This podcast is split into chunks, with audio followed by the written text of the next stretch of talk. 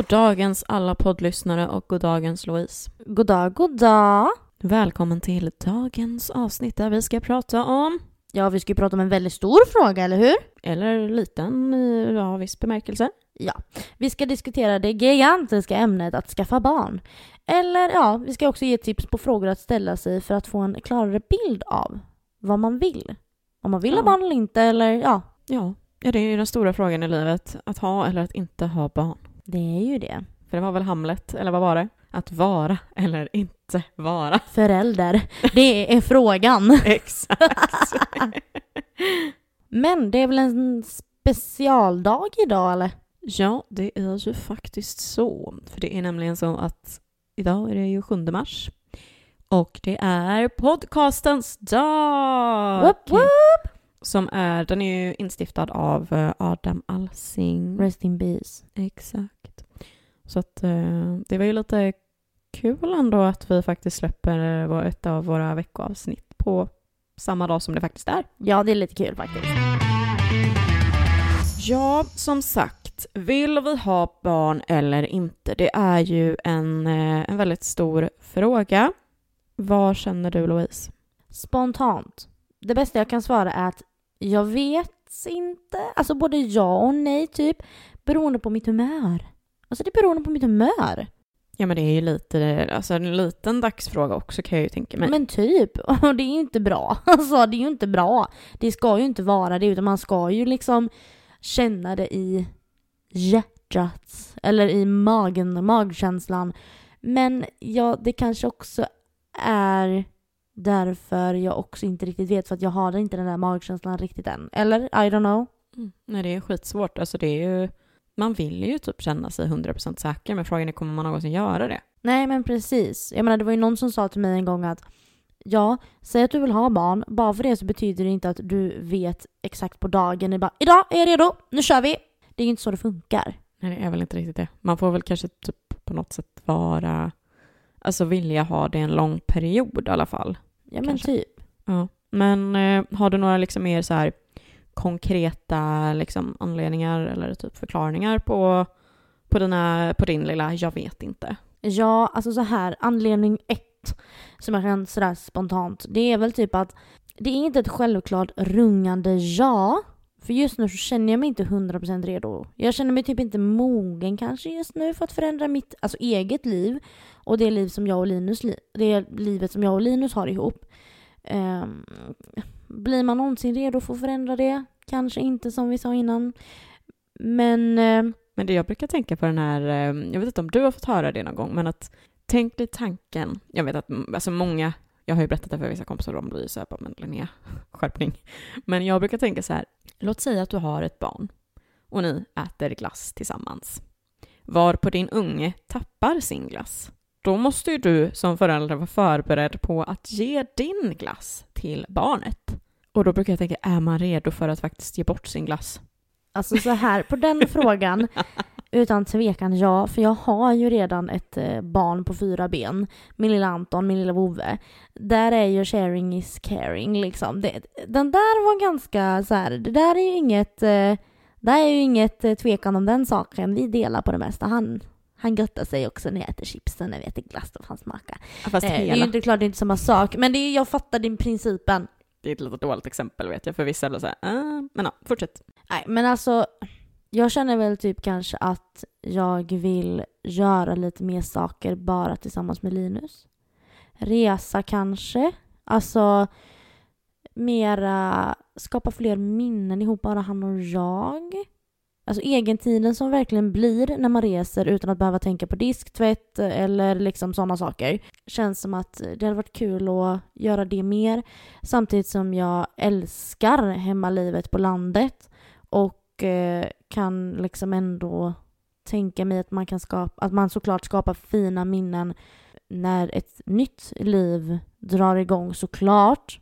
Men alltså det är väl också det att man fortfarande prioriterar att umgås med kompisar på helgerna. Dra ut västa, cruisingar på sommaren som jag tycker är jättekul. Dansa på klubben liksom.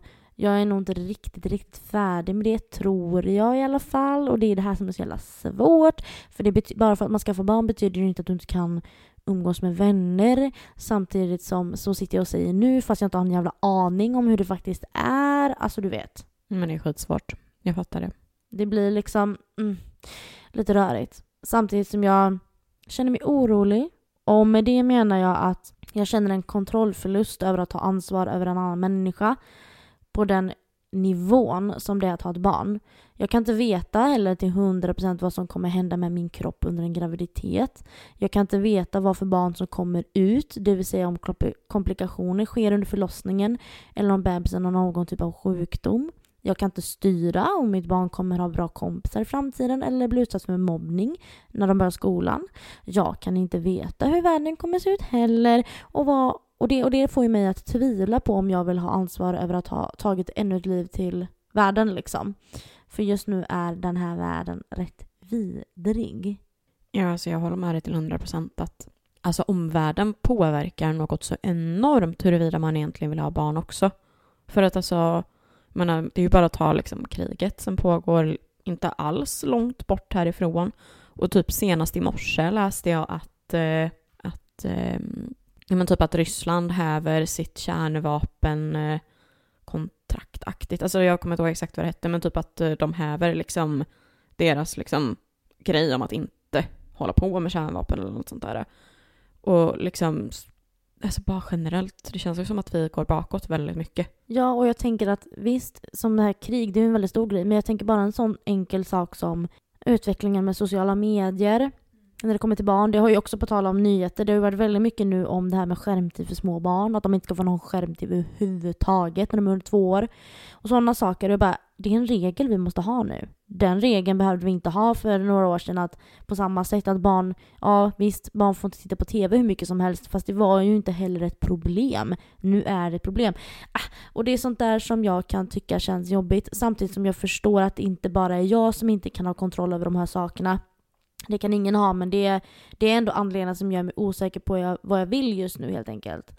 Det är katastroftankar eh, och de tar över på något vis.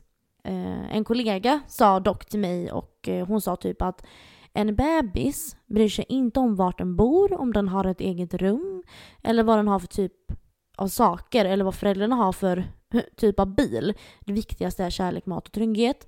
Eh, och det här sa hon till mig innan min mormor gick bort och innan jag hade bestämt mig för att flytta in i hennes hus. För jag var lite nojig över vad jag ville och hon bara så här, ja men snälla rara eh, en, en framtida bebis när ni vill ska få en familj kommer inte bry er om om den bor i en lägenhet eller ett hus.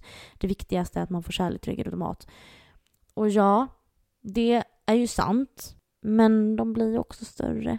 Och har barnet någon typ av sjukdom, för det kan jag känna som eh, ändå jobbar med, eller inom LSS, att det är klart att det är fantastiska personer trots liksom eh, olika funktionsvariationer och hinder och allt vad det är. Och eh, de förtjänar ju att leva precis som alla andra. Det är inte det jag säger. Men självklart om man får välja så är det väl klart att man vill ha ett friskt barn, tänker jag. Det vill väl alla? Ja, hundra procent. Alltså, det handlar ju inte om huruvida någon är värd mindre eller mer eller något sånt, utan men det är precis som att jag skulle inte vilja att du blir sjuk nu. Du, alltså man kan ju få åkommor senare i livet också, men har man alltså en möjlighet till och med att välja, alltså att välja i förväg huruvida man ska sätta ett sjukt eller icke sjukt liv till jorden så väljer man ju ett icke sjukt. Ja, jag hade i alla fall gjort det. Um, men det är ju en sån himla känslig fråga såklart bara det i sig. Men det är klart att man tänker så också att det finns ju risker och det finns risker med allting. Men de katastroftankarna då i mitt huvud, de blir ganska, de har lätt att ta över och att jag då blir att jag backar lite, men jag kanske inte vill ha barn. Men man kan ju inte gå runt och tänka på de sakerna heller, det förstår jag.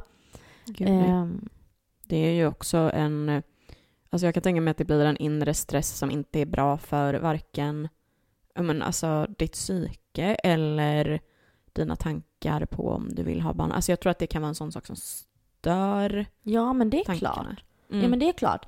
När man tänker, när man pratar om ekonomi och man pratar framtid och såna här grejer, då måste man ju ha det i beräkningarna. Mm. Fast behöver jag ha det i beräkningarna? För jag vet ju inte, du vet, det blir ju kaos. Mm. Men jag tänker att det kanske är någonting som jag inte vet att jag saknat förrän jag har det.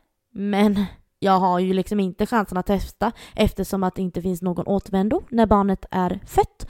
Om det visar sig att ups, det här var liksom inget för mig. Man kan ju liksom inte testa. Nej, alltså det är inte riktigt så att man bara ja, då stoppar vi in ungen i, i vaginan igen och eh, klämmer igen, så att säga. Nej, det funkar ju inte så. Så att det, ja, det, det är... eh, det, det, ah, nej, det är så jävla svårt. Men det här är ju, det här är ju liksom sånt som spökar i mitt huvud. Men om man ska se det lite mer positivt kanske då, från min sida, så ser jag framför mig ändå hur otroligt bra pappa min sambo skulle vara. Jag ser hur otroligt snäll han är, trygg han är. Alltså jag har mina anledningar vill jag ändå säga till varför jag har stora krav på en framtida pappa. Och det är inget som oroar mig alls gällande Linus överhuvudtaget. Och det gör mig väldigt trygg och lugn. De gångerna jag fantiserar om hur vi skulle vara som föräldrar. Jag har en väldigt stark bild av hur jag vill ha ett eh, familjeliv och vilka värderingar som är viktiga för mig i barnuppfostran då. Och allt vad det innebär. Men eh, jag tror att det är en effekt kanske av hur det var när jag själv var liten. Men ja, vi har, vi har pratat om barn och diskuterat vissa saker som är främst väldigt viktiga för mig och det känns ju ändå bra liksom. Eh, för Linus förstår mig och det känns som att han tar mina känslor på allvar när det kommer till papparollen då. För jag, det är mycket sånt vi har pratat om. Eh, när jag har tänkt på att skaffa barn så har jag tänkt mycket på att det är jag, jag, jag som ska skaffa barn. Det är jag som ska skaffa barn. Det är jag som ska bli förälder. Det är jag som ska ta ansvar. Eh, det är mig allting ligger på. Hur ska jag klara det här liksom? Men det är ju inte bara jag. Utan det är ju också en pappa. Det är ju också en till förälder.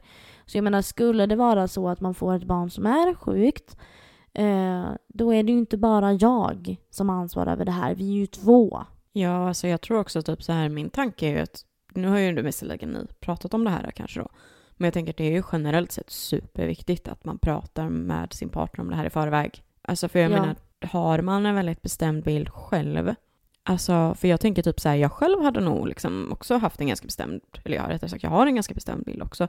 Hade det visat sig att min partner inte hade gått med på det, alltså du vet sådana här saker. Att det inte stämde överens Ja. med varandras liksom, Precis. är ju- framtidstänk eller visioner och förväntningar. Och det är ju viktigt att man pratar om det i förväg så det inte blir världens jävla krock liksom när det man väl ligger där i ultraljudet och bara jaha ja, här har vi ett val att ta. Ja, sen är det också en annan grej jag tänker på. Jag vet inte om du har tänkt på det här.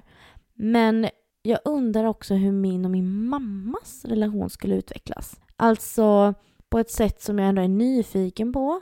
Hon skulle ju få den tunga rollen enligt mig som mormor. Och jag ser på, på det på ett spännande sätt. På hur liksom vår mor och dotterrelation skulle utvecklas. Och eh, jag hoppas att det skulle komma fram delar hos min mamma som jag såg hos min mormor som var som en extra mamma för mig. Liksom när mormor, eller min mamma då får ett barnbarn. Eh, det, kan jag ändå, det kan jag ändå se som något positivt och tänka på väldigt varmt och härligt liksom att familjelivet tillsammans med alltså ens familjer. Att jag tror att man skulle komma varandra närmare på ett annat sätt. Alltså även om man är jättenära, det är inte så jag menar utan mer att man skulle nog komma på ett, ett ytterligare plan som man aldrig har fått testa eller aldrig nuddat vid innan. Och även med sin partners familj då som kanske redan har barn, som i Linus fall då. Han har ju, alla hans syskon mer eller mindre har ju barn.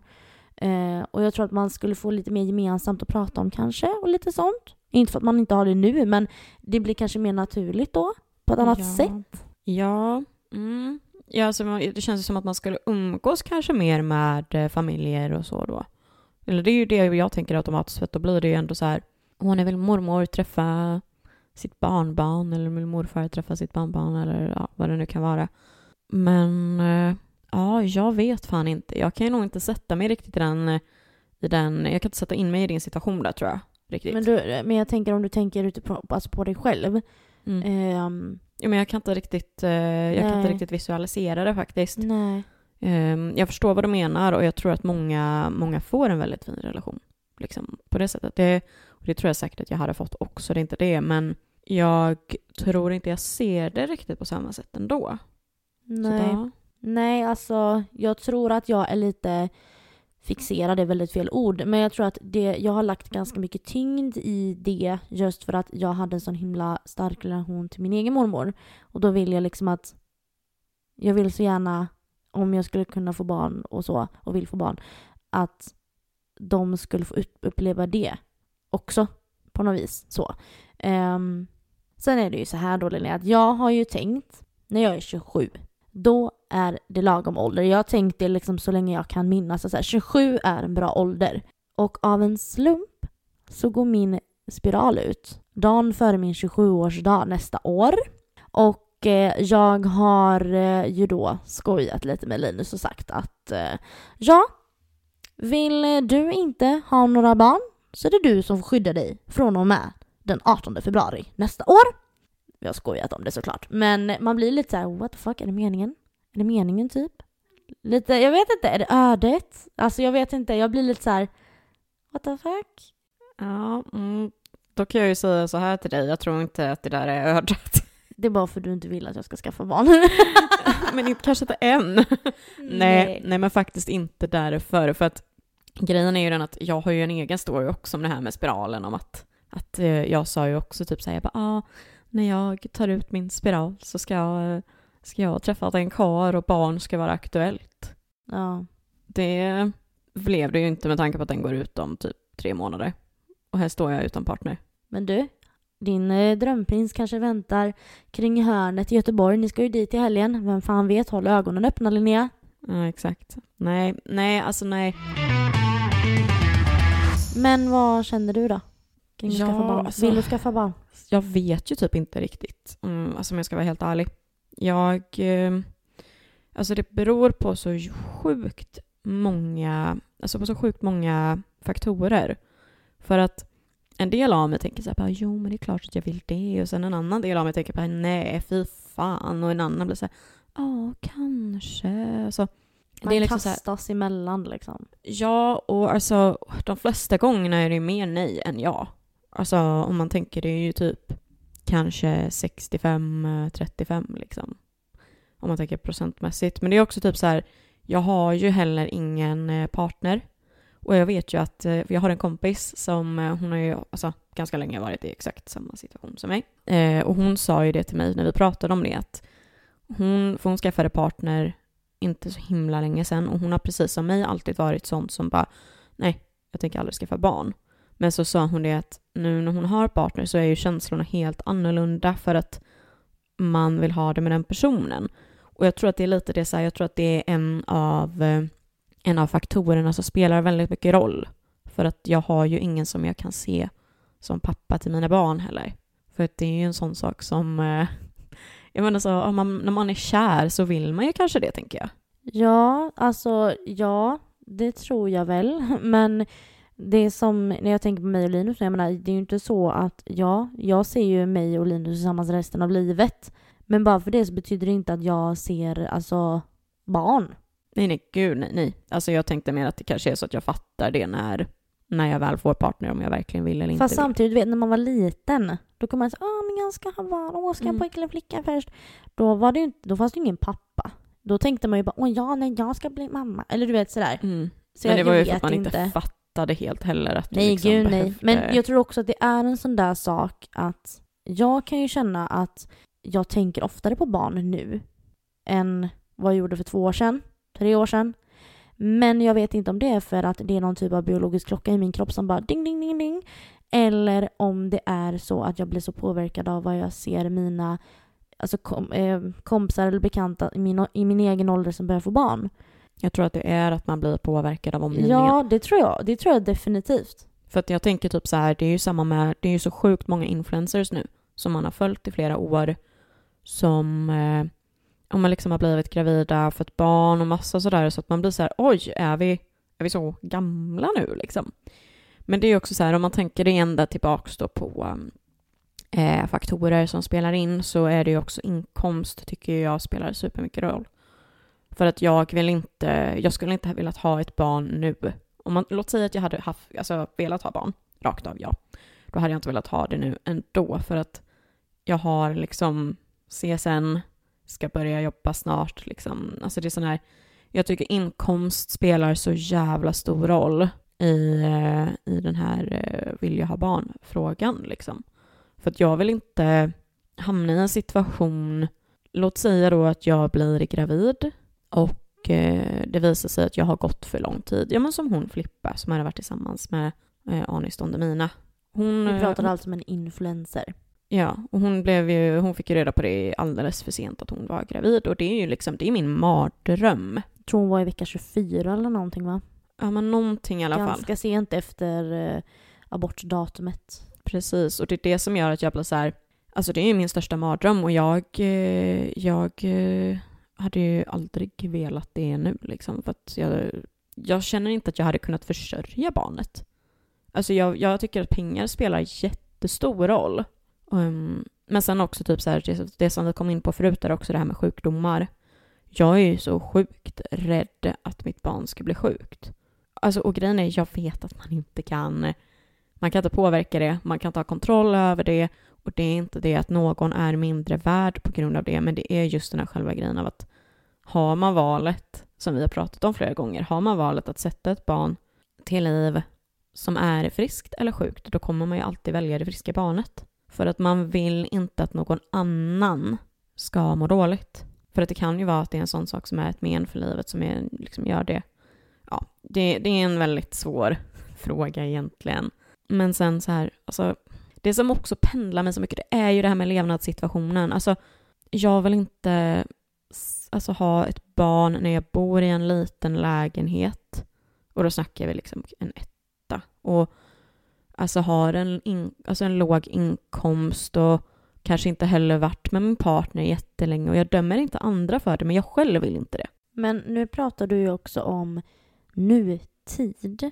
Om vi pratar generellt. Mm. Jag kommer till det här nämligen. Mm. För att det är det som är lite själva grejen, att jag vet inte om jag ser det i min framtid. Nej. När jag tittar liksom framåt, typ om 10 eller 20 år, så är det precis som att barnet är blurrigt. För att jag vet typ inte själv. För att det är liksom som det här som vi sa, omvärlden, krig, inflation, klimat, alltså allt det här. Alltså vi har bara börjat. Världen kommer se kaos ut om tio år tror jag. Och då är det så här, vill jag då samtidigt, alltså vill jag då ha ett barn då och behöva låta det växa upp? Alltså jag vet inte. Och det är så här, jag vet inte, jag tycker det är skitsvårt. Men det finns ju typ, alltså när man tänker, tänker jag på det här med fadersfigurer och du vet så här, med rätt partner så kanske det kommer. Så vet jag ju att det finns, alltså skulle jag bli gravid, alltså om jag går tillbaka i mitt register av grabbar jag har träffat, för jag har ju ändå gjort några graviditetstester för att jag har varit nojig, liksom, trots att jag har min spiral, för att man kan ju bli det ändå.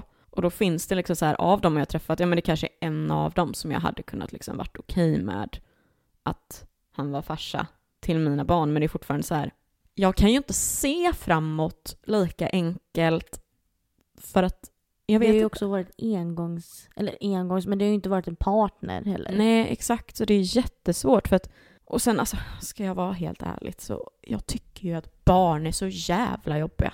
Alltså jag tycker de är så jobbiga. Ja men herregud, jag kan inte säga annat än att jag håller med. Men jag, jag vet, vet, du vad, vet du vad Linnea? Så här. Vet du vad som får mig att tänka ändå, men jo, jag kanske ändå vill skaffa barn. Så. Vet du vad det är? Berätta. Det är främst när jag och mamma och lillebrorsan kollar på videos från när vi var små. Mm. Eller när vi kollar på foton från när vi var små. När jag ser mig själv eller min lillebror. Då kan jag bli så här, "Ja, men det är klart att vi ska ha barn. Och jag ser hur, ja men du vet mamma och pappa när de lekte med oss när vi var små. Man var på ja, men Astrid Lindgrens värld eller ja men du vet man åkte rutschkana ner i en liten pool hemma i trädgården. Ja, men du vet så här. Och då tänker jag så här, men okej, visst det finns så mycket problem. Men livet består inte bara av problem. Man kan inte bara välja att se problemen heller och låta dem ta över. Men sen när jag åker hem och så går det tre veckor igen så bara, då är de där bilderna borta igen. Då är Exakt. problemen tillbaka. Men, ja. Men det Mm. är ju det som gör att det är så svårt för jag tänker ju, jag tror att min mamma har fört det här vidare till mig. För hon gillar inte heller barn. Mhm. Vi har ju diskuterat det. Så jag blir också så här, skulle hon, alltså jag tror säkert att hon vill ha, vad heter det, um, barnbarn. Det tror jag absolut. Men samtidigt så är mina föräldrar är så pass gamla att de kommer ändå inte orka med när det väl kommer till krita.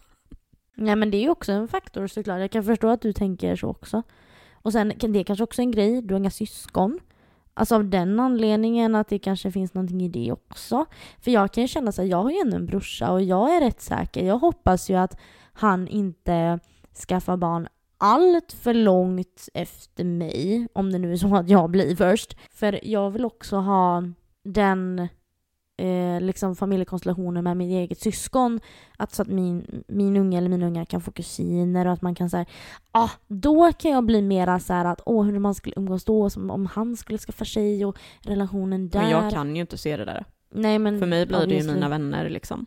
För det är också en sak när man börjar prata om det så här när det kommer till ens vänner. För jag har ju en bästa, bästa, bästa, bästa, bästa, bästa, bästa kompis. Vi är liksom som systrar. Och där, hon, är, hon blir ju moster. Det är liksom ingen kompis, hon blir ju moster för mig liksom. Eller för min unge då. Och där ser jag också så här att vi kommer, hon och jag, vi skulle ju aldrig sluta umgås om det kommer in en unge i bilden. Men jag ser ju andra vänskapsrelationer som ändå skulle kunna, som skulle kunna bli lite mindre av just för att man är, blir så långt isär varandra. Men för att jag är också den. Jag menar, vi har en, eh, en, eh, en kompis i våra gäng nu som de fick barn i somras. Och jag hade en födelsedagsfest för inte så länge sedan då. Och eh, jag, jag hade inte en tanke på att bjuda henne av anledningen att hon kommer säkert inte kunna ändå för de, de är hemma med lilla bebisen. Så det handlar inte om att jag inte ville ha henne där. Utan det handlade om att hon kommer säkert inte kunna ändå. Så att, ah, jag förstår vad jag menar, det är inte av Ja. elakhet. Men så att det är ju också någonting man tänker på att så här, kommer ens kompisar då försvinna? Kommer de palla umgås när det kryper runt en unge och skriker på golvet? Förstår du vad jag menar? Ja, men jag tror man får ha en bra balans i så fall. Att ibland är ungen med, ibland är den inte med. Alltså det beror Ja. ju på. Jag menar, absolut, är man singelmorsa, absolut, då är det en annan sak. Men Nej, Men min mamma sa det till mig en gång att så här, till mig att hon tror att jag kommer nog bli mera kanske taggad på att skaffa barn när jag märker att de i min närmsta umgängeskrets också börjar tänka i de tankarna. Men i våran umgängeskrets så är det ju bara, alltså vi som är väldigt tajta och umgås väldigt frekvent, så är det ju bara jag och Linus och så är det två par till. Egentligen som är, har ett förhållande överhuvudtaget. precis, så att, ja. Men jag tänker bara för att jag vill avrunda lite också. För jag har några saker till som jag vill säga bara. För att grejen är ju den att jag tänker ju någonstans ändå om man går över på det här med ja-biten istället. Jag är ju rädd att det kommer vara att jag om 50 år kommer ångra mig. Alltså att det är en sån sak istället om jag väljer att inte få barn. Kommer jag ångra mig. Men jag vet inte heller, är det på grund av normen? För att det känns som att många är ju... Alltså normen i vårt samhälle är ju att man ska ha barn. Det är ju den normen som är liksom...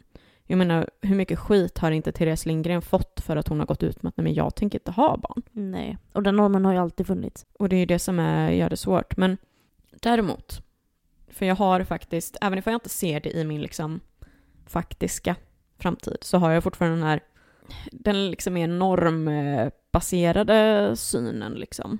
Eller vad man ska säga. Och det är ju typ så här, om jag då ser barn i framtiden så är det ju just att det gärna får vara två till tre ungar som är födda hyfsat nära.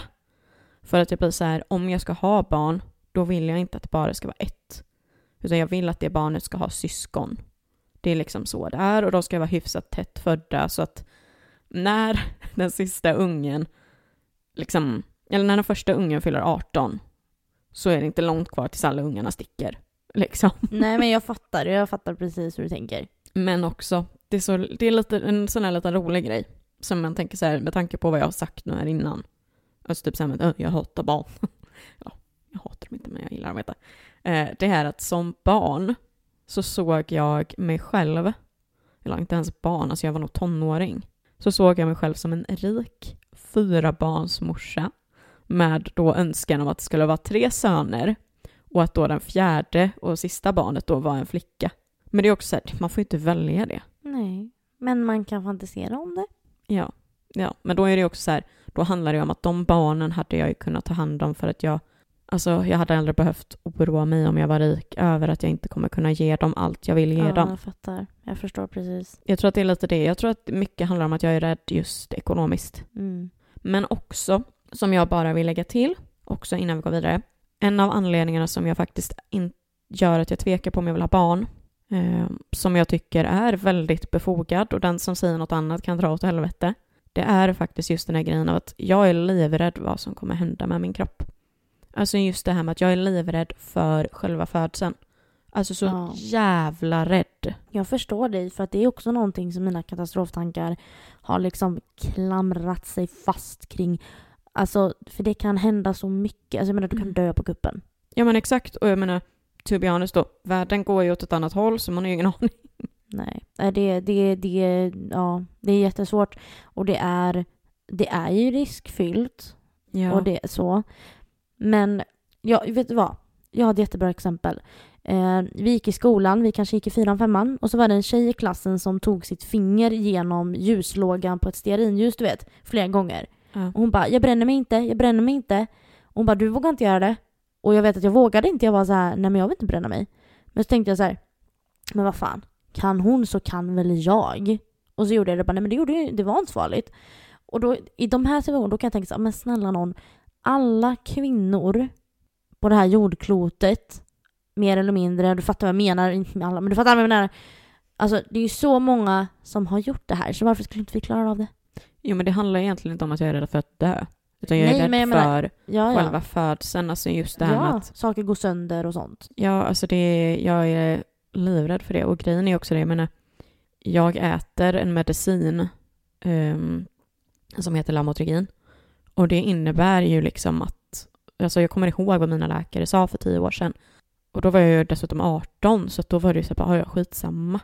Då tar jag det den dagen det kommer. Men de sa till mig att när du väl ska skaffa barn så kanske du behöver sluta äta dina tabletter för att de, nu vet inte jag hur det är idag, för de kan ju ha utvecklat den, men då var det liksom så här att det kan bli missbildningar, det kan bli alltså det ena och det andra. Men, Men, så, vad är tabletten bra för då? Är det någonting som påverkar ditt liv om du inte tar den? ja, eftersom att de gav ju mig ändå diagnosen epilepsi för att de inte kunde ge mig något annat. But that's another story. Eh, och då sa de även det att ja, och väljer du då att inte äta medicinen när du vill vara gravid så finns ju istället risken att du får ett anfall och eh, barnet i dig inte överlever.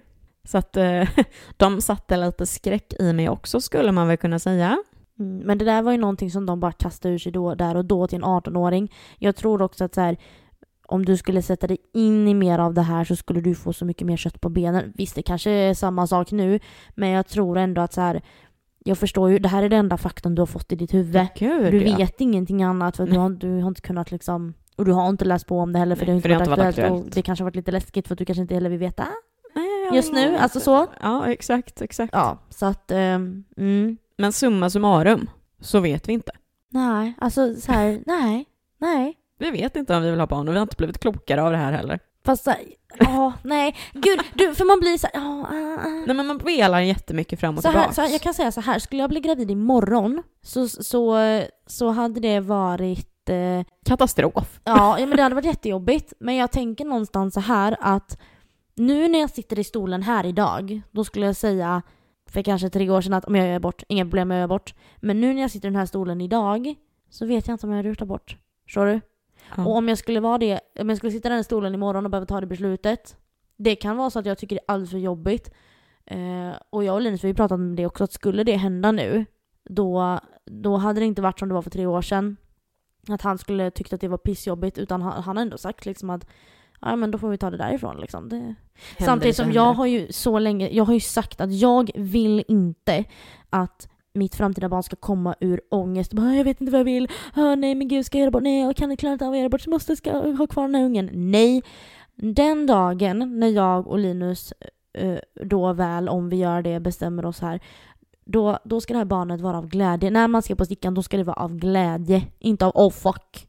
Utan det ska vara av glädje.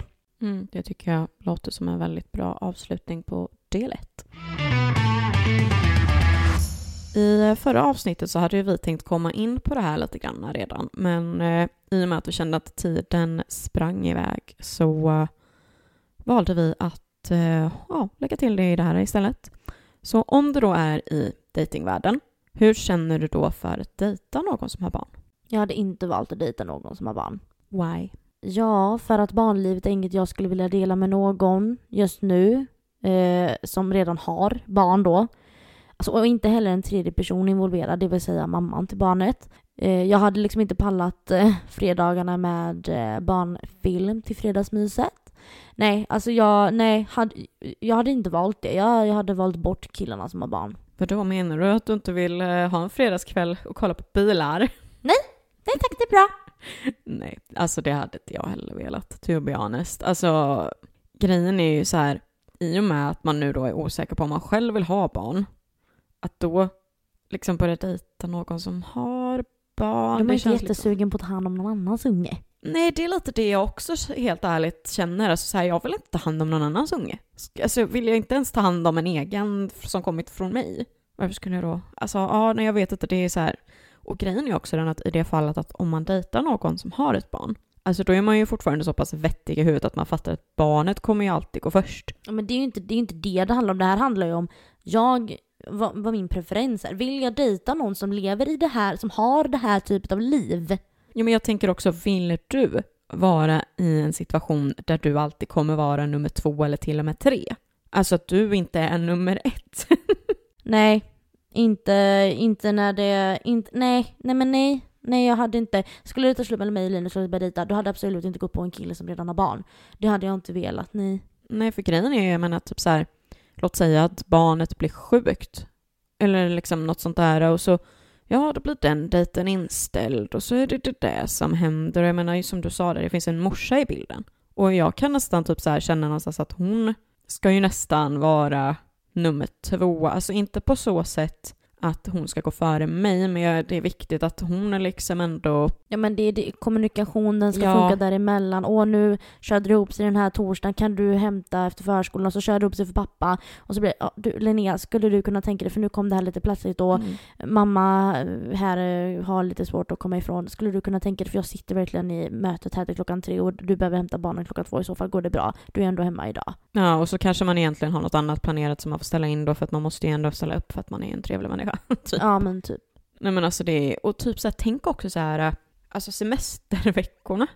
Alltså jag menar, låt säga nu då att man har fyra veckor. Och så tänker man att, åh men vad trevligt att ha fyra veckor tillsammans, vad ska vi hitta på? Nej, då är ju två av de där veckorna med en unge. Ja det blir Astrid Lindgrens Världens High Chaparral. Sen visserligen är det såklart kul, men jag tänker när man börjar, precis börjar dejta någon kanske det är inte det man vill. Alltså man vill väl, jag vet inte, du vet så här, allt det här som jag säger, det är ju jättesjälviskt, jag vet. Men det kan man väl få vara och lov, vara Ja. lov att vara, det är ju ditt liv. Ja, för att man blir ju ofrivillig morsa indirekt, egentligen. Och typ så här, tänk också så här, barnet ska godkänna en. Alltså du menar, jag menar så killen... Och det, det är alltså, det, det där är en hel vetenskapare, det där, extra föräldrar. Ja, för att morsan ska sen också egentligen godkänna dig. Tänk om hon eh, liksom hatar dig och bara, jag tänker, eh, tänker aldrig låta mitt barn träffa henne. Vilka skräckexempel det finns det? Ja. Men det finns ett, ett undantag. Och vi har ju faktiskt pratat om den här filmen tidigare. Du vet Ida håller dig. Ja. Där har vi ett undantag tror jag någonstans. För att där är det ju Jude Laws karaktär. Han har ju två döttrar. För de som inte har sett filmen. Och eh, i och för sig nu blir det jättespoiler för de som faktiskt inte har sett eh, filmen och ska se den. Men i alla fall. Eh, där är det ju, morsan är ju ur bilden. Hon är ju in the, in the ground, so to speak.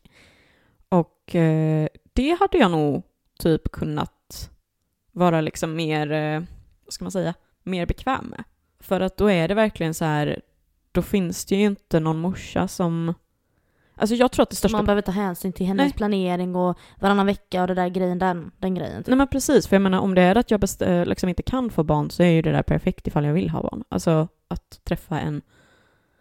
Nu kan jag bara det ordet för en kvinna och det är ju änka, men är det enkling det heter för mannen eller? Ja, whatever.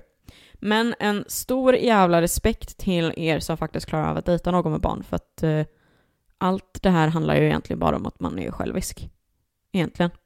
Alltså det, det är jävligt duktigt av er som, eh, som faktiskt klarar av det, tycker jag. Jag håller med. Då tänkte jag att vi skulle dra igenom en liten lista. Och den här listan är eh, alltså några punkter som eh, jag tycker är viktiga att prata igenom.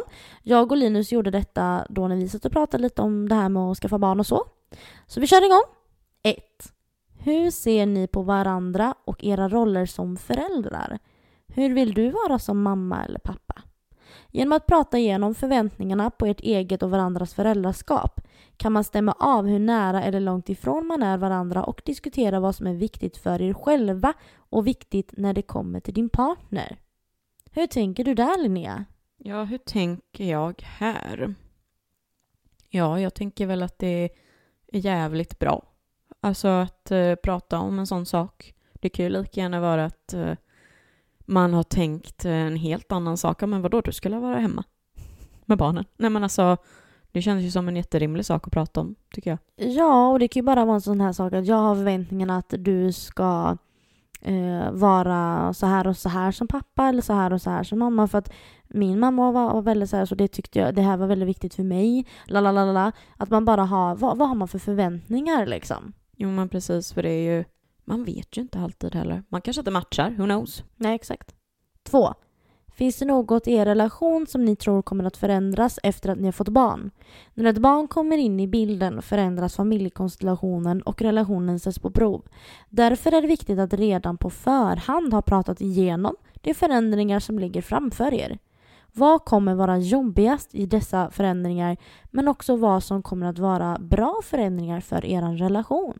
Ja, alltså jag tycker ju att den här är väldigt bra att prata igenom just på grund av att Alltså för när man då tänker igenom vad är det som kommer förändras, då tänker jag också så här, då vet man ju, om man då säger nu då att man, vi kommer ju ha mindre tid för varandra, ja men vad ska vi göra då för att göra så att vi faktiskt har mer tid för varandra? Ja men då bestämmer vi att en kväll varje vecka så har vi, låt säga en, eh, en dejt och eh, går ut och gör någonting eller så att man gör någonting tillsammans och så har man bara koll på någon som kan vara barnvakt den kvällen, typ till exempel.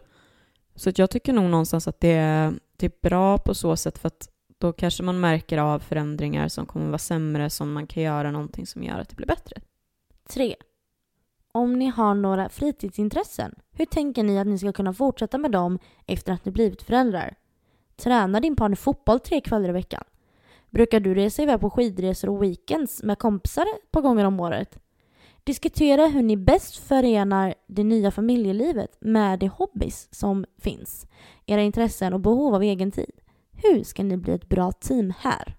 Ja, ja alltså jag tänker ju direkt verkligen att jag hoppas ju att de som pratar om igenom om sånt här kommer fram till att båda måste fortfarande få göra saker och så får man ju vara med barnet typ när Alltså att man liksom delar lite på det, för man måste ha fritidsintressen. Alltså jag tror inte man mår bra annars. Nej, jag håller med dig. Jag menar bara som i mitt och Linus fall. Linus har ju liksom, ah, jag vet inte, fem, Dykning. fyra, fem intressen. Nej men du vet, alltså han har ju ganska mycket. Och då har jag liksom sagt till honom att eh, jag tycker det är viktigt att du får behålla i alla fall ett eller två som är, som är de viktigaste liksom. Um, så, och då är det så här, ja men den här helgen vill åka och göra det här, ja bra, men eh, då nästa gång jag kommer och vill göra någonting, då kanske du får försöka det för min skull. Alltså det ska vara självklart, eh, tycker jag. Men det är viktiga saker att diskutera och vad man har för förväntningar även här. Mm, jag tycker också det. Fyra. Har ni förberett er på kostnader? Allt ifrån barnvagnar och bilbarnstolar till blöjor, leksaker, och kläder som ständigt blir utväxta. Ja, det kommer bli utgifter. Gör en hypotetisk budget, antingen tillsammans eller var för sig och jämför era tankar hur de går. Pengar är inget som man vill bråka om. Ja, min enda tanke rakt av är att det där är skitbra. Jag är all for att man ska alltså, planera sådana här saker. För jag älskar ju budgetar och sånt. Nej men alltså jag tänker mig bara generellt också det här med att då planerar man det. Då är man liksom då har man en verklighetsbild av livet. Det är konkret. Det blir ja. konkret liksom. Och jag tror också att eh, många är kanske lite rädda för att sätta sig ner just det här med pengar. Det löser sig. Ja, och det gör det inte. Utan det är så viktigt. Jag tycker verkligen att det är jätte, jätteviktigt. För det är någonting som är så lätt att börja gnaga lite på och sen börja bråka om tror jag. Ja, gud ja. Och jag tänker också då är det ju en annan sak om man dessutom börjar planera att man ska ha barn. Då är det där superviktigt. 5. Vem tar nätterna? En ganska god chansning är att man kommer att uppleva en stor sömnbrist. Det är lätt att tappa det när man vaknar för femte gången mitt i natten, men en gemensam plan kan göra det mer hanterbart. Nej men det kan ju också bero på vad man har lite för jobb och sånt där och det är ju också bra då att diskutera det med mellan varandra för att, alltså till exempel du jobbar ju natt emellanåt. Och då är det ju så här, då kanske inte du ska ta natten som kommer efter det, eller om det är natten innan det, eller liksom så att man får sömnen, men också att Alltså att man kanske på något sätt tar det veckovis, alltså du tar denna vecka, jag tar denna veckan. Alltså, jag tycker att det är, man behöver en god balans, för det ska ju inte bli att en person gör det. Så att jag, alltså jag tycker det är en jättebra grej att ta upp. Ja, och jag menar det, det är ju någonting som... För vi har ju en liten vovve hemma som är som en bebis. Han ligger och sover i våran säng. Och eh, han, det är nästan varje natt. Alltså, det kan vara två nätter i rad, sen är det en, dygn ingen någonting och sen är det tre nätter i rad och sen är det, alltså, åh, som han vill ut och kissa på natten eller ut och skälla på om det går rådjur ute på åkern. Eh, men man vet ju inte så han måste ju ut och få kissa. Så då är det liksom att vi tar, försöker ta varannan natt då när han vill ut och ta sin lilla kiss. Eh, och då, men är det så att jag har jobbat natten till exempel, bara, nu, nu måste jag få sova den här natten, snälla. Då är han så här, ja men jättebra, men då, då får du lova att du tar på torsdag till exempel. Jag bara, ja men absolut. Eh, så att vi, vi har ju lite, vi, har vi kan skoja om det ibland lite grann, men vi har ju våran bebis som vi småövar på redan nu. Lite sådär. Men jag hörde en gång, jag kommer inte ihåg vilket typ av influencerpar det var, men som körde, för bebisen då ammade inte bara utan även eh, ersättning då. Och då gjorde de så att de hade ju barnrummet och i barnrummet hade de också en extra säng liksom. Och sen så hade de ju sitt vanliga sovrum då. Eh, och så sov de eh, varannan natt inne hos bebisen. Jag tror det är Ida Varg och Alexander Pärleros va? Ja, mycket möjligt. Skitsamma. Det här paret i alla fall, då sov de varannan natt. Och det tyckte jag var ett ganska bra koncept. För jag menar, då får du sova en hel natt och så vet du det att men imorgon är det min tur. Då kan du också lägga upp dagen på att du kanske sover en extra timme om du har möjlighet. Eller så här. Och då är det så här, folk kan bara ah, men jag vill sova med min kille. Ja men alltså du kommer inte prioritera din kille i det läget. Du kommer prioritera att sova. Och är han i sängen eller inte, det kommer vara skitsamma tror jag. Ja, jo men det är nog mycket möjligt. Jag tyckte det lät som en bra lösning. Ja. Ja, alltså man Och gör vill som du då gå in och lägga hos din kille, men gör det då. Men då får du också vara rädd på att han går upp när ungen skriker och grejer. Alltså, förstår du? 6. Hur ofta ska ni umgås med era familjer? Hur nära vi är vår familj och släkt kan vara som natt och dag, samt hur man umgås med sin familj. Prata om hur viktigt det är för oss att barnet får en bra relation med sin släkt på båda sidor. Hur tänker vi kring högtider till exempel? Det här är så sjukt jävla viktigt tror jag. Alltså, ja, det- jag tycker den här punkten är bland topp tre vi- viktigast. Ja, för att alltså, man behöver komma på hur man ska göra med jul bland annat. Det har vi redan visserligen pratat om i julavsnittet. Men eh, alltså det är, det är så sjukt viktigt för att alltså det kan bli så jävla mycket problem. Ja, det kan ju det. Och när jag, när jag tänker själv, jag vill ju att mitt barn ska känna sig lika trygg med sina kusiner och kusiners föräldrar, alltså fastrar och farbröder och eh, farfar, som med min mamma, mormor då och även morbror och min lillebror och mammas sambo, min farsa. Alltså du vet, jag vill ju verkligen att eh, Alltså det, det, barnet ska känna sig tryggt oavsett. Det ska liksom inte vara något konstigt. Eh, att man känner att åh, nu måste jag skärpa till mig när jag ska åka hem till mormor eller nu måste jag skärpa till mig när jag ska åka hem till farfar eller vet sådär. Utan att det ska vara lika naturligt som när man är hemma. Lika väl som du kan ligga och gapa och skrika på golvet här för att du inte får ditt eller datt så ska du kunna göra det där borta också. Eller komma och få tröst lika väl hos farfar eller hos mormor som komma till mamma eller pappa liksom. Precis. 7. Vem gör vad? Vem löser det viktigaste den första tiden med bebis? Och även senare i barnets liv? Ja, vems jävla ansvarsområde är det med gympapåse, matsäck till utflykten i skolan, föräldramöten och så vidare? Vad förväntas av den som är föräldraledig hinna med hemma? Vad ska, vem ska göra vad och hur ofta gällande tvätt och städ och handling? Detta är något som också är viktigt att prata igenom. 100 procent. För jag tänker typ också så här, ja men om man jobbar typ samma tider säger vi. Alltså, då kan jag tycka att men då kanske man ska hämta ganska, alltså lika mycket från eh, förskolan. Och Det tycker jag också beror på vem som åker hem och ska laga middagsmaten. Ja, och vem som åker och handlar. Ja. Typ. Alltså, Så det är ju helt beroende på levnadssituation.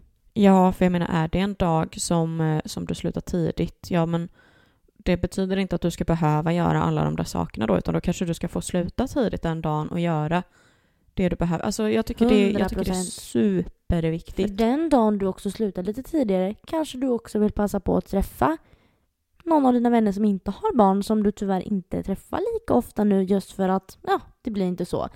Man måste, jag tror att många, kanske kvinnor då främst, prioriterar att men då åker jag hem och slänger in en tvätt och så kan jag passa på att städa av in i badrummet Ja, istället för att prioritera sig själva. exakt. Och det är ju det som är, eh, alltså, för det är som jag tänker med det här med gympapåsen. Och typ matsäck till, äh, matsäck till utflykten och sådana där saker. Alltså när barnet är typ tre plus, alltså den kommer kunna hjälpa till. Absolut, du ska inte lägga ansvaret på barnet, men det kan ju bli en syssla man gör tillsammans annars i så fall.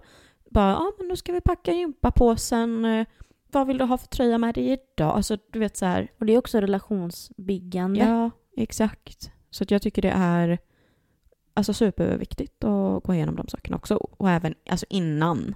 ja, ja, prata igenom det innan ja. Hur Ja. ser man på det liksom? Precis. 8. Hur löser vi egentid och partid när bebisen kommer? Det kan vara knepigt att hitta balansen mellan att vara med bebisen, egentid och partid. Därför är det viktigt att prata igenom sina förväntningar och önskemål även här. Ja men det var ju nästan lite så som jag nämnde där tidigare. Att jag tycker att det är Alltså jag tycker det är superviktigt för att man behöver få in Jag menar veckodejt eller åtminstone en månadsdejt. Alltså för att man vill ju gärna att sitt förhållande ska hålla även när barnet är med. Jag kan säga det så här, som är i ett förhållande då, att få in en dejt varje vecka är som det är utan barn svårt för man är trött och allt vad det är. Men jag håller med dig om att en gång i månaden, det kan man få till. Om man har pratat igenom innan, vad har man för tankar, planeringar, vad ska det vara för en dejt? Ska vi gå ut och äta restaurang en gång i månaden, vara borta fyra timmar? Eller ska vi bara liksom kunna gå ut och gå en promenad och köpa varsin kaffe en stund, alltså en timme. Vad, vad har, vad lägg, vilken nivå ligger man på? Vad har man för förväntningar återigen? Exakt. Och det är väl där man då som sagt behöver ha en plan. Och det var Louise lista för detta avsnitt. Och du hade ju även ett litet tips längst ner här nu också om eh, vad som kan vara bra efter man har gått igenom de här sakerna också. Ett litet tips på slutet. Det är att skriva ner allt i en inför bebisens ankomstbok. Det vill säga en liten bok som ni kan skriva ner de här tankarna ni har i för att gå tillbaka och kolla i för att se vad hade ni för förväntningar när ni väl sitter där.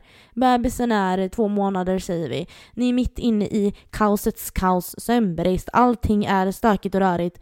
Då kanske ni ska ta en sån där liten date night och eh, köpa hem lite gott, sätta er ner och kolla i den här boken. Vad var det vi skrev egentligen? Vad hade vi för förväntningar? Vad önskade vi egentligen? Vet du vad jag tänker att boken är? Vadå? Ett kontrakt. Ja men typ. Why not? Okej Linnea. Jag tror att majoriteten tänker tanken om jag vill ha barn istället för att tänka om jag kan få barn. För det är ju långt ifrån självklart att man kan få barn eller inte. Hur tänker du kring det Linnea? Alltså om du skulle få reda på att du inte kan bli med barn, hur skulle det kännas? Hade du haft en plan B? Alltså eftersom att jag är osäker på om jag vill ha barn överhuvudtaget så tror jag ju någonstans att jag skulle nog kunna känna alltså, två extrema känslor vid det här tillfället om jag inte kan få barn. För att en del av mig hade nog typ alltså blivit extremt lättad på så sätt av att då har världen bestämt åt mig. Jag behöver inte bestämma själv att, att jag vill inte ha barn. Alltså du vet, jag, jag kommer inte kunna Alltså jag behöver liksom inte försvara mig för varför jag inte vill ha det. Men samtidigt tänker jag också att jag hade nog blivit så extremt ledsen. För att då helt plötsligt så har jag ju inget val längre. Alltså då står jag där och tänker att okej, jag, ja, men låt säga att det hade varit nu jag fick reda på det.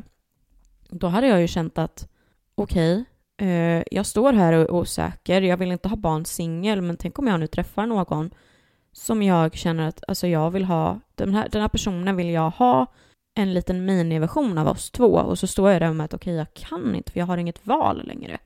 Det är liksom att säga, jag tror att man hade kunnat fått eller alltså jag hade, att jag hade kunnat fått någon av de två känslorna. Men det är så jävla svårt att veta innan kan jag tycka. För att jag har så svårt att sätta mig in i, i den här känslan. För att det finns ju väldigt många influencers som Alltså jag tycker det är så skönt och så bra att de går ut med sina IVF-resor. Men just det här med att det är så många som går igenom det så att de vet ju hur det faktiskt känns att eventuellt inte kunna få. Medan jag sitter här och jag vet ju inte. Alltså jag, det enda jag vet är att, att eh, alltså min mamma kom in i tidigt klimakterie. Vilket innebär att det är genetiskt, vilket innebär att jag också eventuellt kan gå in i ett alltså tidigt klimakterie. Och ett tidigt klimakterie innebär att det är svårare att få barn och risken finns att du inte kan få det alls om du väntar för länge. Så självklart är man ju lite så tänk om jag faktiskt inte kan få. Men det är ju, alltså, det är ju skitsvårt för att, alltså, det är ju som jag sa det där att mycket beror ju på vad man har, alltså om jag har en partner, då är det lite så här vad han skulle känna. För att är barn på tapeten och han ändå vill ha, trots att det inte är blodslikt, så tänker jag ju då också kanske, ja men då får väl adoption då är väl det ett alternativ typ. Ja, du känner men då är att det är en backup liksom för din ja, men del. precis. Men då är det, alltså helt ärligt, då är det om han vill ha det. För att jag, alltså för mig spelar det inte jättestor roll i det fallet just nu. Alltså om, om det skulle visa sig att jag inte kan få barn och min partner i framtiden är okej med det, då spelar det ingen roll för mig om vi adopterar eller skippar barn helt, om jag ska vara helt ärlig. Hur, eh, hur känner du? Alltså jag har sagt till Linus att på 100%, jag har sagt till honom att om jag inte kan få barn och han är okej med det liksom, att okej då skaffar vi inga barn liksom. Så har jag sagt att då ska vi ha massa fyrbenta bebisar. Då skulle jag vilja ha ett gäng vovar istället i mitt liv. Anton, min hund då, som jag nämnt några gånger nu. Jag ser ju honom som mitt barn och det låter kanske stört för många. Men då vill jag säga så här. Alltså har du aldrig känt så för ett djur så kommer du aldrig förstå den kärleken som vi känner till våra hundar, katter, whatever. Jag älskar min Anton över allt annat och han är det viktigaste i mitt liv, helt ärligt. Men jag håller med om att man skulle kunna känna sig ledsen såklart om det var så att man inte hade valet. Utan att oj då, jag kan inte bli gravid, det är liksom bestämt nu. Man blir ju snuvad på någonting som annars är så naturligt och självklart som man har tänkt som man var liten. Liksom. Ja, för det är det som är egentligen det stora problemet, att folk säger ju alltid om när jag får barn. Precis, inte om, det, så... utan när. Ja, och grejen är ju den att jag vet att Alltså det däremot har jag och alltså väldigt många kompisar, vi har ju börjat säga om jag kan få barn. Det säger vi ju alltid nu för tiden när vi pratar om barn av anledningen att, alltså om man inte får vara sån, men jag, jag är ju lite så här jinx... Eh... Ja, gud ja. Och då blir man ju också såhär, tänk om man jinxar det genom att säga när jag får barn, när jag får barn, när jag får barn. Och då känns det typ skönt för att då är det också så här, då typ, alltså man på något sätt räddar lite sig själv i det hela genom att bara, om, en, om jag kan, för att då blir det att då är inte du fast bestämd av att du kan få, utan... Nej, precis. Du har det här uh, omtänket liksom. Det blir inte så slagkraftigt som när jag får barn. Men om, om, liksom. Ja. Och det tycker jag nästan gör att det blir lite finare. Men det är där jag tänker också IVF där då. Hade du... Eh, tror du att du hade gått igenom det om, eh, om du liksom... Verkligen ville ha barn och det, ja, fanns, det var svårt men att jag ändå, liksom, det var inte helt kört liksom. Ja. ja, men det hade jag. I och för sig, det tror jag nog kanske att de flesta hade gjort. Det tror jag. Men jag vet inte, det kanske kostar. I don't know. Ja, men det gör det ju. Ja, jag det har kostar inte så pengar. Bra koll. Sen vet jag inte exakt nu ska inte jag vara den som har stenkoll här, men jag vet att det kostar pengar. Jag tror att du får typ, du kan få typ ett eller två försök gratis, men om du ska göra fler så kostar det liksom 200 000 tror jag. Jag eh, sökte lite snabbt här nu. Ja. Eh, och då står det, men då är det bara det här liksom översta sökningen som kommer upp. Eh, en enstaka IVF-behandling brukar kosta omkring 35 till 40 000 kronor i Sverige. Ifall man vill betala för tre behandlingar direkt blir priset högre. Ehm, så att, ja. Det beror på regionen också, tydligen. Alltså ja, sen tror jag, för jag menar, jag vet inte hur det är, jag kan inte det här med IVF, så vi ska, vi kan, nej, vi kanske ska lämna det där. Jo, men det kan vi göra. Men Louise nu då. Om det skulle visa sig att Linus inte kan få barn, men eh, du kan, och det är något som du verkligen, verkligen vill. Hade du lämnat honom då eller hade du stannat? Jag ser inte mig själv leva med någon annan. Och det är något jag aldrig har tvivlat på. Visst har det funnits stunder då man har känt att eh, vi är olika och att det kan gå en på nerverna, men jag vet att han är rätt för mig. Så jag tänker generellt att om barn är något man verkligen vill ha, alltså generellt, om det är någonting man verkligen, verkligen vill ha, så ska du inte försaka det ur ditt liv. Du lever bara ett liv och då vill man inte behöva ha en lista på dödsbädden av saker som man ångrar. Hade jag verkligen velat ha biologiska barn så hade jag ju behövt lämna Linus. Eller så hade vi helt enkelt fått tagit en tur till spermabanken. Eh, jag vet inte. Alltså, det är svårt för mig att säga. Jag tror inte man kan sätta sig in i den situationen riktigt om man inte är där. Är det däremot så att jag jättegärna vill ha barn men den jag är ihop med absolut inte vill, då är det ju bara att lämna. Han ska inte heller behöva tvingas bli förälder och jag tänker att du ska inte heller tvingas att leva ett liv utan barn. Så tänker jag. Hur tänker du? Alltså jag tycker ju sånt här är ju skitsvårt. Alltså superduper svårt. För att det är, eh, som du säger, det är väldigt svårt att sätta sig in i eftersom att man inte är i den situationen vad någon av oss vet. Ja, jag får ju veta det i framtiden. Eh, men det är också så här, är ditt kall i livet att få barn, då kan jag typ förstå någonstans att man lämnar. För att det kan ju vara liksom en sån här grej att man har känt sen man var ett barn att bara, men jag ska ha barn och det har varit självklart liksom sen dag ett. Då är det en annan femma. Men jag tycker, alltså det kan absolut vara jättedömande nu från mitt håll, men jag tycker helt seriöst att kärleken till varandra bör vara starkare än om ni kan få barn. För att, alltså låt säga att man har levt med sin partner i tio år och sen när barn då börjar bli aktuellt så kan inte en av er få barn och ändå väljer att lämna. Då tänker jag så här lite, var de tio åren värt någonting överhuvudtaget då? Alltså, jag, eh, jag har väldigt starka åsikter kring det. För att jag känner verkligen så här, alltså tio år med en partner, ni har gjort allt. Det, det enda som saknades liksom, det var barnet. Och så väljer du att lämna personen för att inte, alltså jag, jag, vet inte, för jag tänker ju den här situationen istället nu då, för jag nämnde ju ändå det här med risken av tidigt klimakterie och allt det där innan. Då tänker jag typ så här, låt säga att det är en omvänd situation. Det är du, i det här fallet då jag, som inte kan få barn. Medan min partner då väljer att lämna mig. Alltså den hjärtekrossen hade inte gått att ta sig igenom känns det som. För att alltså helt ärligt så är det i det här fallet att din partner lämnar dig på grund av att det är dig det är fel på. Alltså rakt av. Det är ju, alltså det är rakt av att man väljer att lämna personen för att det är fel på den. För att grejen är ju den att biologiskt sett så ska ju, det är inget fel på någon, nu vill jag bara understryka, som inte kan få barn. Det låter jättehemskt när jag säger det så. Men jag menar mer att biologiskt sett så är det ju då dig det är fel på för att du inte kan få ett barn. Alltså på så sätt. Och då att partnern din som du älskar mer än allt, du vill ha barn med den här personen också. Det är ju allt du vill, men det går inte. Och han säger hej då. Alltså förlåt, men det är Alltså jag kan inte, jag kan nog inte kolla i ögonen på en människa som skulle göra så om jag ska vara helt ärlig, att man lämnar på grund av en sån sak. Okej, så här säger jag då. Jag hör dig. Ja. Jag förstår att du tänker så här och du kommer bli sur på mig för att jag säger det jag kommer säga nu.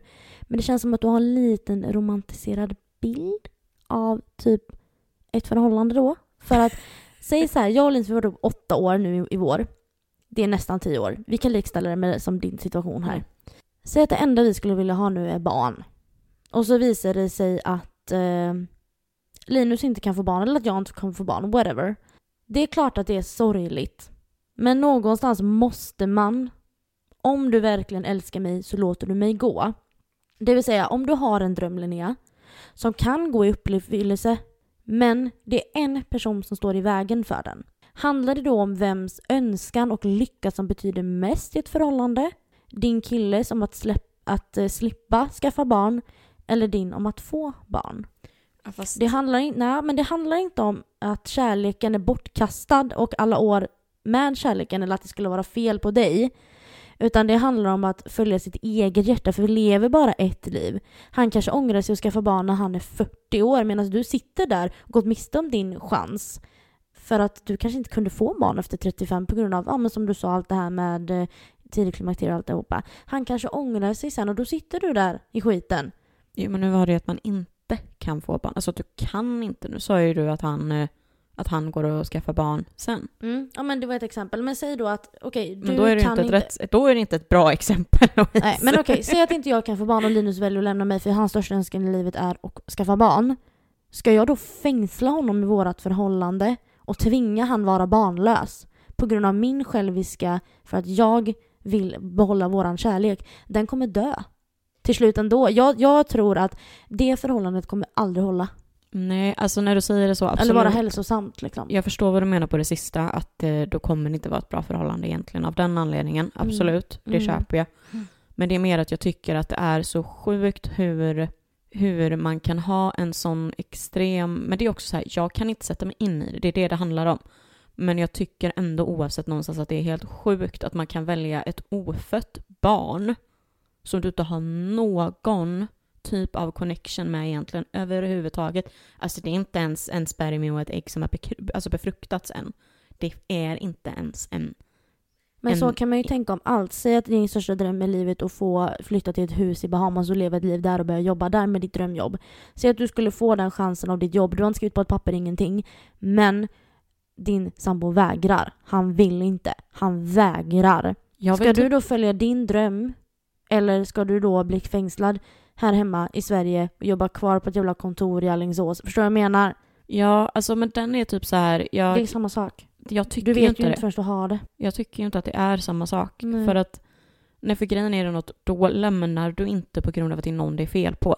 Det är det det handlar om. Alltså jag, Fast, ja, jag ja, hakar upp- Mm, jag förstår, jag förstår, jag fattar. Du jag hakar ju upp dig på att det skulle vara fel på den då som ja inte det är ju ett barn. biologiskt, alltså det här snackar vi om ett biologiskt fel som man inte kan påverka. Mm. En flytt kan du påverka. Alltså du kan, de andra sakerna är en helt annan grej.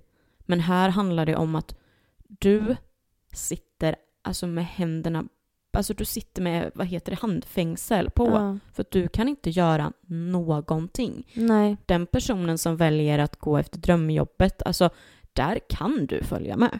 Där du, du liksom absolut. Men i den här andra situationen, du kan inte göra ett skit. Du är helt, alltså du är Mm. handlingsförlamad. Du, Mm. Men du tvingar fortfarande din partner att leva ett liv utan barn. ja jag vet. Och om det är om du ser att den här personen går in i någon typ av depression, uh, får, eller så förstår jag menar, ska den här personen börja må dåligt och försaka det den vill. Det är det, det är det jag hakar upp mig på istället då, att jag kan känna att så här, vi är också individer. Ja, Men jag förstår dig till 110% varför du tänker så. ja. Och jag att man kan då vad du menar. Jag Ja. gör ju det. Det är bara det att jag blir så ledsen för de som är med i de situationerna. Ja, och sen är det såklart, nu låter det ju, jag kan tänka så här, det låter också som att det visar sig det här, ja, nej men då gör jag slut. Det är klart att jag tror att det är många i de här situationerna, det är ju inte lätt. Jag menar, Nej, skulle det här vara gud, så, det är ju inte så att man bara, jag tror att man pratar om den här, det här man, man vänder på det tusen miljarder Ja, jag gånger. tror också det. Men, och man kanske försöker i fem år och fortfarande hålla ihop relationen. Men jag tror till slut att det kommer. Om det inte går över för den andra personen, bara, ah, nej men vi skiter i barn då. Men är det så pass viktigt så tror jag att det kommer ju bara äta sönder relationen Mm. till slut ändå. Ja, ja det Tyvärr. är ju det som är grejen. Det, men det är också så här, det är där jag då börjar fundera istället på, skulle det vara olika för en man och en kvinna i det här fallet? För att om, om, en, om det är kvinnan som inte kan få barn och mannen då är den som lämnar.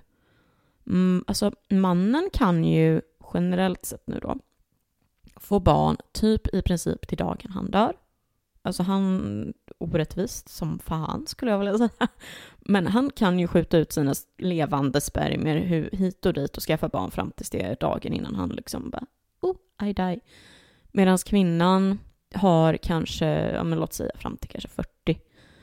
Och skulle det då, alltså förstår du vad det är jag vill försöka komma fram till? Just det här med att, alltså att om kvinnan lämnar förhållandet, det, låter konstigt, men det är typ nästan lite mer befogat. För ja, att för hon om har mer bråttom att hitta någon ny. Ja, för att hon För den har, tanken, hon, jo men det, jag håller med dig. För det vet jag att jag sa till Linus, det här är länge, länge sedan. Alltså vi klockan snackar, tickar liksom. ja, det här var länge, länge sedan. Det var när vi, när jag nämnde det när vi, när, herregud, när jag var typ 20 du vet. Och man sa så ja men vill du ha barn i framtiden? Nej. Och Linus bara, men jag vet inte. Och då blev jag så här, vadå vet inte? Vadå, så du menar att jag ska gå och vara ihop med dig nu i fyra, fem år till och sen så bara, nu vill jag ha barn och, barn, och då ska du säga du vet inte, eller säga nej. Exakt. Då måste jag ju hitta någon ny nu för att hinna bli kär och hinna skapa ett liv tillsammans för att sen kunna välja att skaffa barn med honom. Mm. Så jag fattar precis vad du menar. För att det Sen blir ju, även ifall det fortfarande är samma sak, men det är mer befogat i så fall. Ja men jag håller med dig, jag tycker också Mm. det. Jag, kan, eller jag förstår eh, Tanken.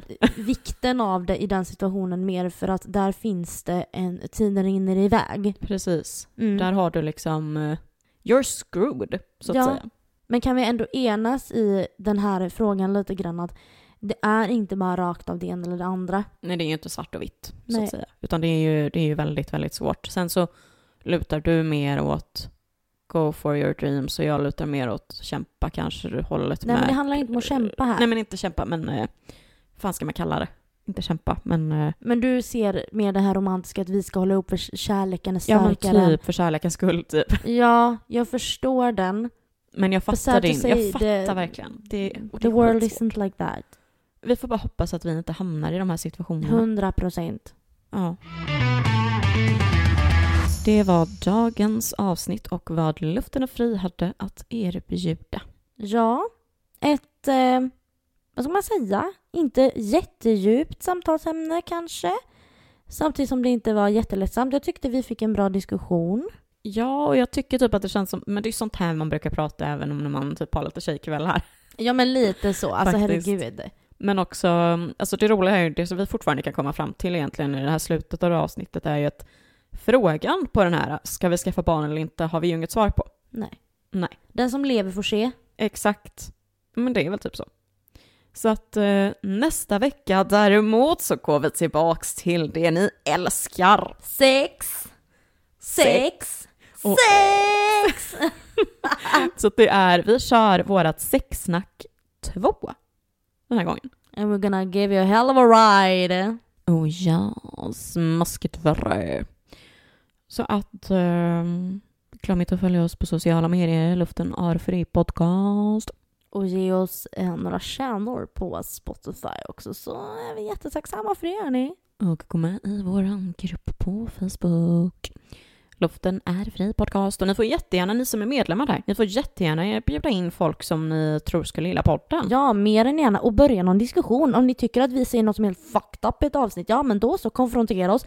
Kom igen, ge oss lite grann, det är roligt. Ja, ge oss lite hugg. Det är kul. Det är kul. Men med hugg så betyder inte det att man ska vara förolämpande, utan starta en diskussion. Ja. I like it.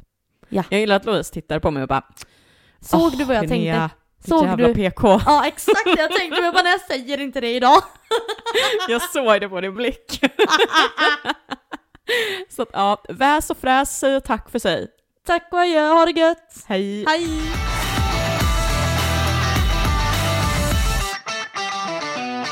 Jag älskar att du såg det på mig, jag bara, here we go again.